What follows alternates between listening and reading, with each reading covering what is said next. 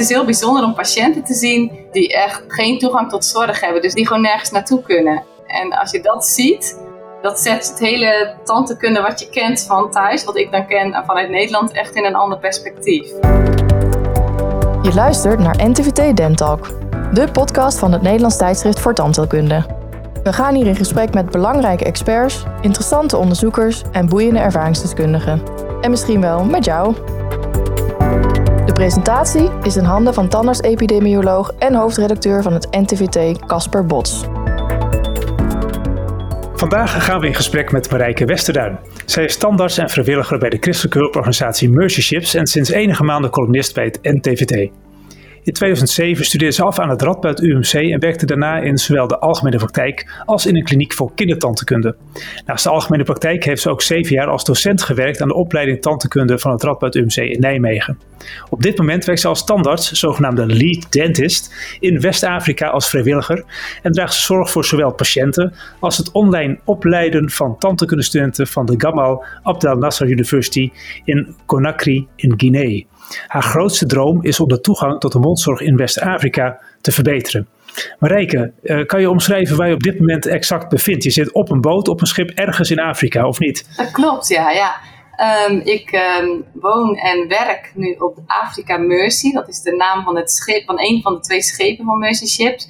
En uh, dit schip ligt nu in de haven van Dakar, okay. in Senegal. Dus ik lig nu voor de, uh, voor de kust van Senegal. En ik zit in mijn tandartskliniek. En dat is uh, op de derde verdieping van het schip. Maar het is eigenlijk wel een beetje onderin het schip. Net boven de machinekamers. Dus er zijn op de, deze verdieping geen ramen. Ja. Ook het ziekenhuis is op dezezelfde verdieping.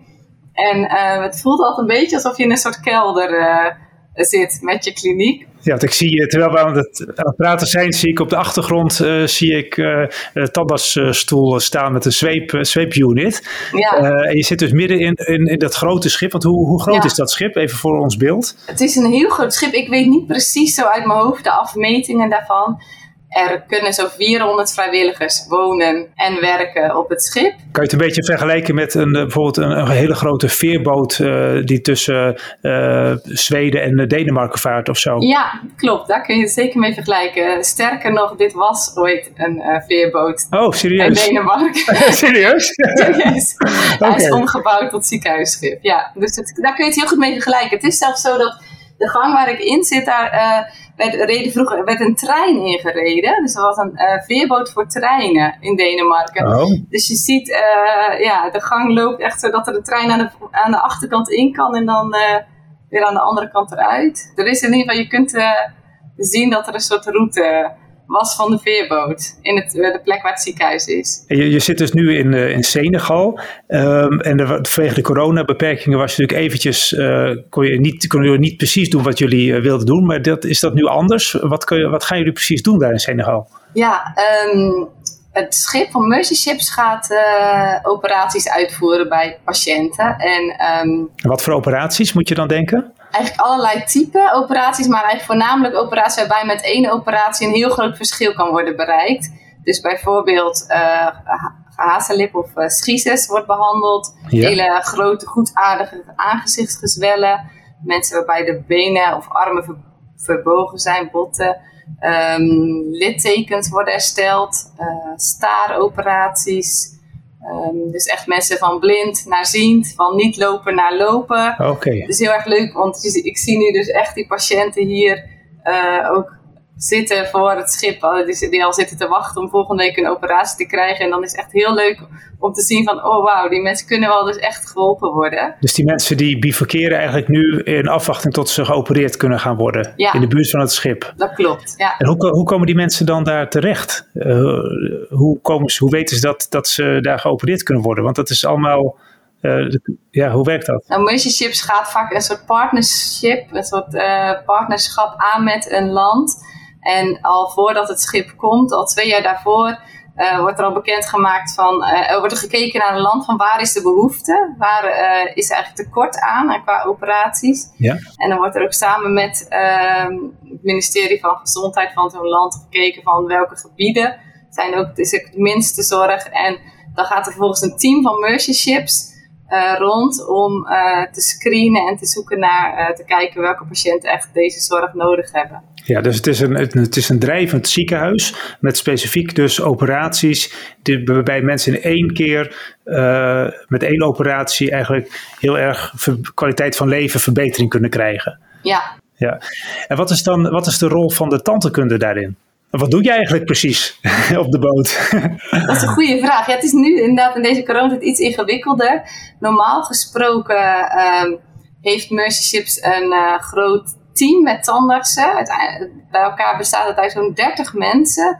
Uh, vier tandartsen, vier assistentes, mondhygiënisten.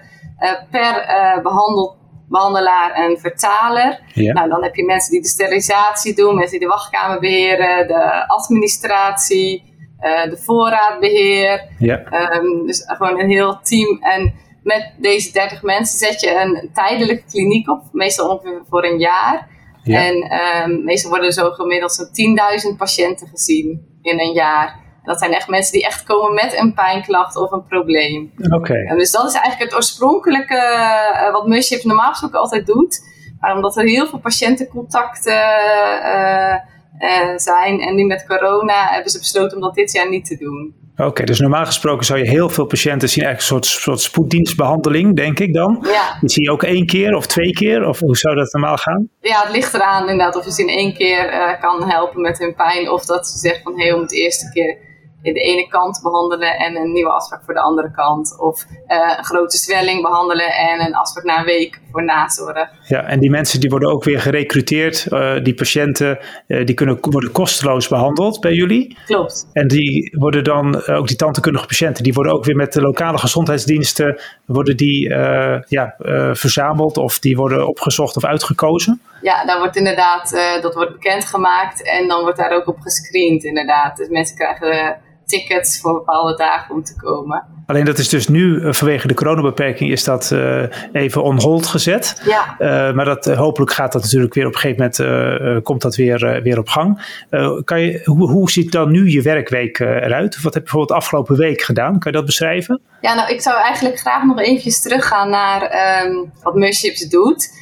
Um, het oorspronkelijke idee is echt het uitvoeren van die operaties en ook die tandheelkundezorg. Ja. Maar we zijn natuurlijk met elkaar altijd steeds meer bezig. Wat is nou echt effectief op de lange termijn? Ja. Dus de laatste tien jaar is Mercyship steeds meer bezig gegaan met hoe kunnen we nou de, de zorg in een land op lange termijn verbeteren. Oké. En um, dat, dat kan door, door middel van, dat noemen ze medical capacity building. Het opbouwen van de medische capaciteit door middel van training en door middel van te kijken van hoe kunnen we supply en materialen beter beschikbaar krijgen in een land. Ja, dus mensen en materialen eigenlijk. Ja, mensen en materialen, klopt. Ja, opleiding, hè, kennis en uh, materialen. Dus um, dat is nu een steeds groter onderdeel van Mercy Ships. En ook in de tandheelkunde oh, um, ja. wordt daar steeds meer naartoe gewerkt. En omdat ik dat nu niet, uh, niet een normaal programma kan doen, is het ook eigenlijk wel fijn. Want nu kan ik me dus veel meer richten op, hey, hoe kunnen wij uh, ook bijvoorbeeld hier in Senegal, maar ook op de lange termijn als Mercy Ships in het tandheelkunde een lange termijn uh, verbetering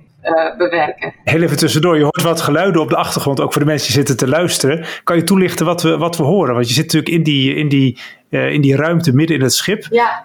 je hoort af en toe wat, wat stemmen en wat andere geluiden. De kliniek zit echt in het ziekenhuis van het schip en er is vandaag een, um, een rondleiding bezig, of een rondleiding hele schip, dus de 400 vrijwilligers, hebben nu allemaal de kans om een keertje het ziekenhuis helemaal uh, te zien, alle ruimte. Volgende week beginnen de operaties en nu is alles eigenlijk klaar. We willen ze alles even een keertje laten zien, omdat als de operaties eenmaal beginnen, dan mag niemand het ziekenhuis meer in die er niet ook werkt. Oké, dus dit half uur kunnen ze even niet in de tandartsruimte die verder wel de hele dag door iedereen bezocht kon worden.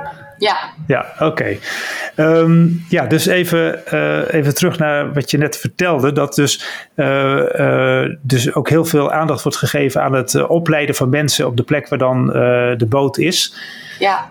Hoe krijgt dat dan concreet vorm? Want je werkzaamheden bestaan dus nu op dit moment niet uit het zien van duizenden mensen. Je ziet waarschijnlijk wel de bemanning, neem ik aan, als er tandheelkundige problemen zijn, of niet?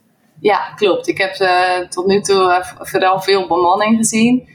Door de coronacrisis was er heel lang geen tandarts überhaupt aan boord. En toen ik kwam, een groot deel is ook niet naar huis geweest vanwege de corona. Dus ehm, ik kon heel veel werk doen in het gewoon behandelen van de crew aan boord. Ja, dus je hebt een, een patiëntenbestand van zo'n 300, 400 mensen waar je zorg voor draagt. Ja, klopt. Op dit moment. Ja, en wat, wat doe je daarnaast? Want dat was je wou net vertellen. Nou, sowieso heeft Mercy in 2018, 2019 een kliniek opgeknapt, of eigenlijk gestart bij een bestaande universiteit. Ja. Daar was wel een dental school, dus er werden tandheelkundestudenten opgeleid, maar eigenlijk alleen met theorielessen, omdat er geen faciliteiten waren om iets te oefenen. En daar hebben ze ehm, een kliniek op uh, gestart waarbij patiënten gezien kunnen worden en uh, waarbij studenten daar ook echt mee kunnen oefenen. En, kan je dat beschrijven hoe dat eruit ziet? Hoeveel mensen zijn daar? Zijn er een stuk of 20, 30 mensen? Zijn er 100 mensen? Uh, hoe ziet het eruit? Zijn er fantoompoppen? of... Ja, er is inderdaad een fantoomzaal van zo'n acht fantoompoppen. Ja. meestal een studentengroep bestaat uit zo'n 25 studenten. Um, en er is een zaal met zo'n 10 behandelstoelen. Uh, waarbij de studenten dus patiënten uit het land zelf kunnen behandelen. En daardoor kunnen ze wat meer oefenen. En dat is dus een, een tandheelkundefaculteit eigenlijk, of een opleiding in Senegal of op een andere locatie? Dat zit in, Guinea. In Guinea, in Guinea ja. Dat is wel hier vlakbij. Oké. Een uurtje vliegen. Oh, een uurtje vliegen, dat is, dat is om de hoek. Oh, ja, ja, ja, ja, voor Afrikaanse begrippen. Afrika is een heel groot continent, is het uh, vrij dichtbij. En daar ga je ook af en toe naartoe? Dat is wel het plan. Ik ben daar, een, ik ben daar één keer geweest. Uh, ik log elke week uh, één of twee keer in om lessen te geven online. En um, ik ben er van plan om er weer naartoe te gaan. Oké, en uh, om een beetje een beeld te krijgen. Als je kijkt hier naar de, de tandarts-patiënt-ratio in Nederland, is dat de, uit mijn hoofd zo'n beetje 1 op 2.500, denk ik, of 1 op 3000. Misschien is het iets lager, maar in die orde van grootte. Hoe zit het dan in Guinea? Is daar, wat voor orde grootte is dat? Een goede vraag. Ik moet er even goed over nadenken. Um, ik heb dat in mijn column beschreven. Uh, volgens mij honderd keer uh, minder tandartsen. Dus dat zou betekenen, ik heb, als ik een praktijk heb met 3000 mensen, uh, dat ik dus dan 300.000 patiënten heb. Ja, klopt. Dus zo is die ratio. En dat is nog een land waar een opleiding is. Er zijn een heleboel landen hier in West-Afrika waar helemaal geen tandheelkundeopleiding is. Ja. Dus bijvoorbeeld Liberia, daar is het schip van plan om als volgende locatie naartoe te gaan kunnen ze nu vijf plekken vinden waar een tandarts in een ziekenhuis werkzaam is in het hele land. En dan op ontzettend grote bevolking. Ja, dat kan je eigenlijk niet voorstellen. Uh, dus daar is, want, want jouw droom is om de toegang tot de mondzorg te verbeteren. Uh, je geeft dan aan dat er worden opleidingen gedaan. Voelt het soms uh, niet als een soort druppel op een gloeiende plaat? Ja, natuurlijk. ja, um, ja, ik vind het fijn om uh, nu bij Mercerships te werken, omdat het echt een hele grote internationale organisatie. Zij gaan echt die lange termijn trajecten aan met, uh, met landen en ook met overheden. Mm -hmm. En op die manier proberen ze ook echt te kijken van, hey, kunnen er meer opleidingsplekken komen in een land? Uh, kunnen de bestaande opleidingen verbeterd worden? Ja. Um, en op die manier probeer je wel een iets groter effect te hebben. Ja, dus het is dus ook wat structureler. Want ik kan me voorstellen, wat je net beschreef, als het dat de patiënt komt en weer gaat, dan en je bent weer weg, dan, dan zitten die mensen die dan niet bij de boot zijn geweest, die vallen dan letterlijk buiten de boot. Dus op deze manier wordt die zorg ook wat meer con, uh, continu waarschijnlijk. Klopt, dat klopt. Dat is wel het idee, het idee om dat eigenlijk voor de lange termijn te verbeteren. Ja. Als alleen maar uh, die korte termijn zorg te geven. Uh, hoe is eigenlijk die passie bij jou ontstaan om dit te gaan doen? Uh, je werd je op een ochtend wakker dat je dacht van nou, ik wil op een, op een boot tandheelkundige zorg gaan verlenen in Afrika. Of hoe ging dat precies? Eigenlijk als kind voelde ik me altijd wel een soort van geïntrigeerd door de wetenschap dat er landen zijn waarbij uh, mensen veel minder hebben als wij. Ja. En ik heb me ook altijd wel heel erg bevoorrecht gevoeld daardoor. Van hé, hey, ik heb gewoon eten, drinken, opleidingsmogelijkheden, alles. Ja. En um, het leek mij gewoon heel mooi om um, later daar iets mee te gaan doen. En um, toen ik 15 was, toen bezocht ik een van de schepen van Mercy Ships. Dat lag toen in Rotterdam. Mhm. En toen zag ik dat werk en toen dacht ik, nou, daar wil ik gewoon echt iets mee gaan doen. En toen uh, zag ik dat er ook een tandartskliniek was en tandartsen. En toen ben ik tandheelkunde gaan studeren. Dus ik heb het eigenlijk altijd in mijn hoofd gehad van... hé, hey, ik, ik word echt tandarts omdat ik dan in derde wereldlanden kan gaan werken. Oké, dus, dus toen je als 15-jarige daar in Rotterdam uh, rondliep en je zag die tandartskamer, uh, toen wist je al, ik wil tanden gaan doen en op zo'n boot. Ja, dat leek me toen gewoon heel gaaf. ik wist niet of dat toen of dat natuurlijk allemaal zou gaan lukken. En tussendoor heb ik ook nog eens andere dingen bedacht. Maar uiteindelijk heb ik dat wel in mijn hoofd gehad. Ook tijdens de opleiding dat ik dacht, ik ga echt de chirurgische specialisatie kiezen. Ik ga echt uh, bij alles wat ook maar enigszins daaraan uh, relateert, daar wil ik me in verdiepen. En, en hoe voelde dat dan voor je toen je uiteindelijk je voeten op die boot uh, zette? Wat dacht je, dit is het moment, nu ben ik hier? Ja, toen ik twee, drie jaar afgestudeerd was, dat was in 2010, toen ben ik een, een zou maar zeggen, autoriet in Togo, ben ik zeven maanden aan boord geweest. En um, het is heel bijzonder om patiënten te zien die echt niks hebben en die echt geen toegang tot zorg hebben. Dus die bijvoorbeeld met een gebroken kaak al jaren rondlopen. Of die met uh, ontzettende ontstekingen, fistels en zwellingen. Uh, die gewoon nergens naartoe kunnen. En als je dat ziet, uh, dat zet het hele tantekunde wat je kent van thuis, wat ik dan ken vanuit Nederland, echt in een ander perspectief dat kan ik me inderdaad wel voorstellen. Maar heb je dan het gevoel, stel dat je weer in Nederland zou komen en je zou daar gewoon algemene tante kunnen doen, dat je denkt van waar gaat het hier eigenlijk over? Van dat ene visuurtje, of dat gesield moet worden of uh, wel of niet. En uit uh, hele discussies de, erover. Terwijl je weet dat er mensen zijn die met een gebroken kaak rondlopen. Is dat moeilijk? Nou, niet moeilijk, want ik kan altijd me, ik ben altijd, ik leef me altijd heel erg in in uh, mensen. Dus ik kan ook echt helemaal meeleven met iemand die baalt van een heel klein uh, verkleurd hoekje. Ja. Um, maar ik leef me altijd heel erg in in mensen. En dan voelde ik zo mee, dan vond ik dat heel verdrietig als iemand een kies moest laten trekken of een wortelkanaalbehandeling moest laten doen. En sinds ik toen in Afrika geweest ben, of nadat ik daar geweest ben, dacht ik van nou, zo zielig is het ook weer niet. Hè? Je mag gewoon je hebt gewoon toegang. Je kan hier gewoon naartoe. Ja. Het is betaalbaar voor de meeste mensen. De zorg is heel netjes. Het is goed. Uh, je, je, hoeft niet met pijn rond te lopen. Ja. Dus daar kon ik alles eigenlijk wat beter relativeren daarna. Ja, je noemde net inderdaad uh, even tussen neuslippen door dat je eigenlijk tijdens de opleiding al ook wat meer richting wat chirurgische uh, deelgebieden had gekozen. Want ik kan me voorstellen dat dat op dit moment heel erg goed uitkomt als je iets meer moet doen dan alleen maar een vulling leggen of een, een element moet trekken. Wat heb je precies qua achtergrond daarin verdiept? heb je meer kaakchirurgie gedaan of zo? Of... Ja, in mijn tijd kon je dan een specialisatie kiezen, kaakchirurgie kaakchirurgie. En ik ben toen in Almelo geweest, in Enschede. En uh, daar was dan een uh, soort ziekenhuiscombinatie. En daar mocht ik gewoon zelfstandig een soort kaakchirurgprogramma draaien. Of zelfstandig, semi-zelfstandig. Als ik hulp ja. nodig had, dan kon ik een kaakchirurg erbij halen. Maar uh, daar heb ik toen heel, echt heel veel geleerd.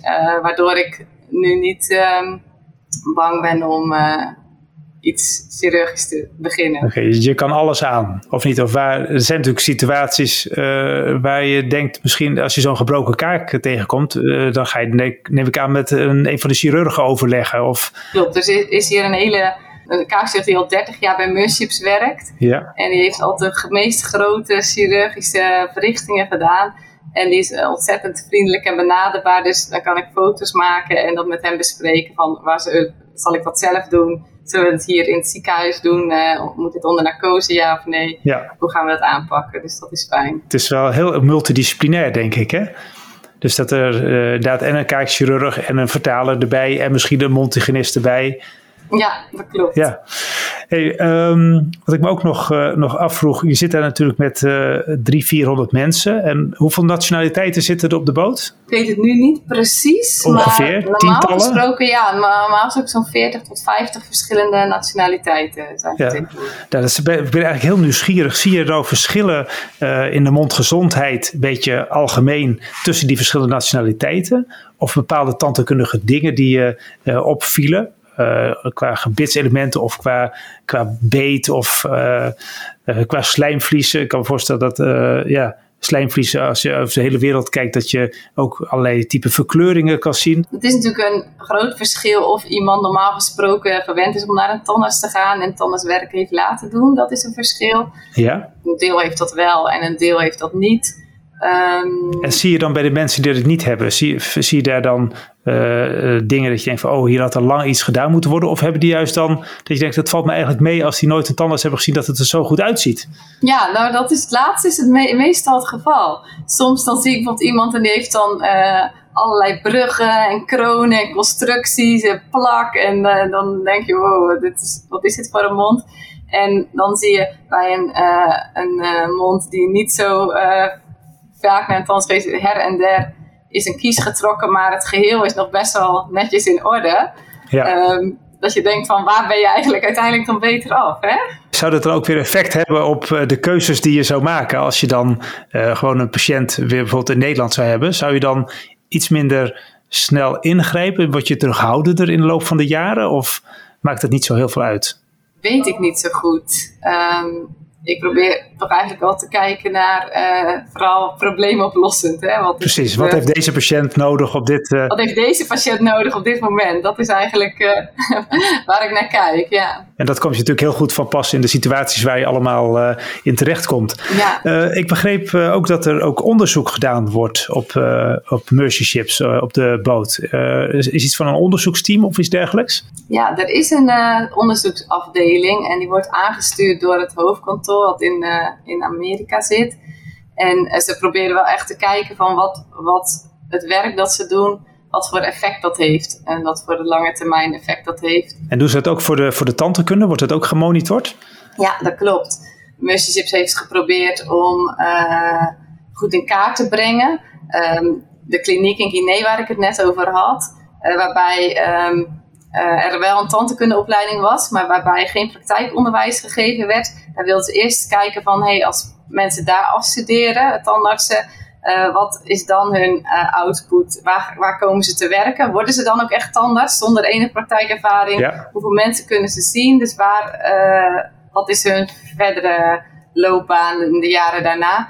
En um, nu er dus een faciliteiten zijn om te oefenen en patiënten te zien al in de opleiding. Ja. Uh, willen ze kijken van wat gaan de tandarts die dan afgestudeerd zijn doen met hun, uh, hun leven en hun kennis en hun uh, toekomst. Dus dat onderzoeken ze, ja. Ja, dus het effect van het echt oefenen op patiënten, wat, uh, wat, wat, leidt er tot een andere output en wat gaan ze, gaan ze dan doen? En jouw bijdrage nog eventjes, wat je net in het begin vertelde, was dat je dus online uh, onderwijs geeft. Je hebt natuurlijk eh, destijds uh, in, bij Nijmegen, bij het Radboud UMC, heb je ook onderwijs gegeven. Ja. Dat komt nu nog steeds goed voor pas, denk ik, of niet? Dat klopt, ja. Ook toen het, toen het net gestart was, had ik veel contact met de tandarts van Musships, die daar ook echt woont en werkt, die dat opgestart heeft. En um, ik werkte in die tijd nog um, in Nijmegen. En uh, mijn collega's waren ontzettend behulpzaam. Dus ik mocht uh, documenten sturen, boeken, ons preklinische ja. boeken ook gewoon allemaal in de digitale bestanden.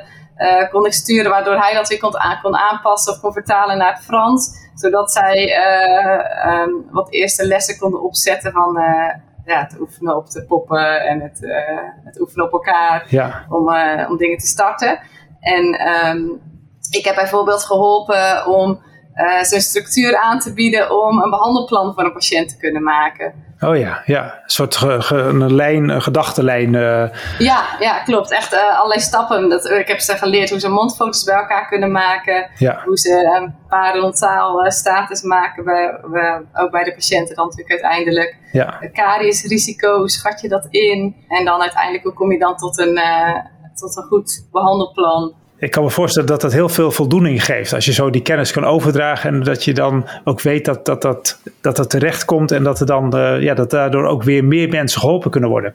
Ja, ik blijf ook wel altijd wel kritisch hoor. Dat ik denk van, kijk, door de staat van tandheelkunde die er nu vaak in deze landen is, gaan mensen natuurlijk alleen naar de tandarts als ze ook echt pijn hebben. En dan willen ze gewoon een kiezer uit of iets gedaan hebben. Is er dan ruimte om helemaal een plan te maken? dus komt dat dan ook wel echt van pas. Ja. Maar ik denk als je een verandering wil voor de lange termijn, dan moeten die tools er ook zijn. En als mensen wel uh, bijvoorbeeld uh, graag een plaatje willen, dan denk ik dat het goed is om ze te leren van hey, is dat handig met deze restdentitie uh, qua paren en qua caries om daar nu een plaatje in te zetten. Dus om het geheel van het gebit mee te nemen in hun behandelplanning. Ja. Dus ik probeer wel uh, gewoon kleine stapjes te doen waardoor ze uiteindelijk betere tandartsen kunnen worden. Ja, mooi. Uh, wat ik ook nog, uh, waar ik ook nog nu benieuwd naar ben, van wat gaat er de komende tijd allemaal gebeuren? Je zit dus nu in uh, Senegal, ja. daar gaan die operaties plaatsvinden. wat, wat is het plan? Ja, ik heb volgende week heb ik een afspraak met een dokter hier in ehm, Senegal van een kliniek, waarbij, waar ook een tandartsafdeling is, met vier stoelen. Um, en dan wil ik ook even kijken van, hey, hoe is het daar? Ik weet dat ze heel graag zouden goed wat hulp kunnen gebruiken. Ja. Um, ik heb ook een afspraak met een lokale tandarts, die ook het hoofd is van 25 klinieken. Gewoon ziekenhuizen, kleine ziekenhuisjes. Ja. Waarbij ook in verschillende van die klinieken ook tandartsen werken. En um, ik wil gewoon kijken van, hebben zij uh, iets nodig? Kunnen we ze ergens bij helpen? Ja. Qua kennis of qua faciliteiten. En vanuit daar um, wil ik een plan maken ook uh, de rest van het jaar nuttig kan besteden. Ja, want hoe lang blijven jullie daar met de boot liggen? Ja, nu tot november. Ja, oké. En als we het opnemen zitten we in februari ja. uh, van 2022. Dus uh, daar blijf je nog een tijd. En dan na november, uh, want je doet dit helemaal vrijwillig, heb ik begrepen. Je, je moet ook wat geld meenemen als je op de boot wil werken. Dus je bent afhankelijk van giften, denk ik. Ja. En, en support. Wat ga je na november doen? Heb je daar al zicht op? Of leef je eigenlijk per week of per dag? Nou, um, het plan nu is dat uh, na november, uh, dan gaat het schip daarna naar Liberia toe. Ja. Dus ik ben uh, nu in contact met het team wat daar allerlei voorbereidingen aan het doen is in Liberia. Om te kijken wat kunnen we daar doen. En daar is dus nog een stuk minder tandkundige zorg aanwezig. Dus ja kunnen we misschien wel weer een wat groter tandartsprogramma opzetten. Dat is mijn hoop. Ja, er zijn de uitdagingen genoeg, ook voor de toekomst, begrijp ja, ik. Ja, klopt. Ja, mooi. Wat zou tot slot je belangrijkste boodschap zijn voor iedereen die nu, uh, nu luistert? Ik hou het niet zo heel erg van, uh, van dat soort lessen geven aan mensen van doe dit of doe dat. Maar ik denk wel dat, dat door, door dit werk besef ik me altijd ontzettend goed hoe goed we het hebben in Nederland met elkaar hoeveel ja. mogelijkheden, wat het is om vrij te zijn, hè, om te kunnen besluiten, hey, wat ga ik volgend jaar doen? Of um, hè, om te besluiten hoe je je werk wil indelen en je werkweek wil indelen. Wij hebben zo ontzettend veel, zoveel vrijheid. En ook als standaards hebben het ontzettend goed. Uh, ik weet, als je in Nederland bent, op de duur ga je heel snel kijken naar alles wat er niet goed is, of beter kan, of beter geregeld ja. kan worden.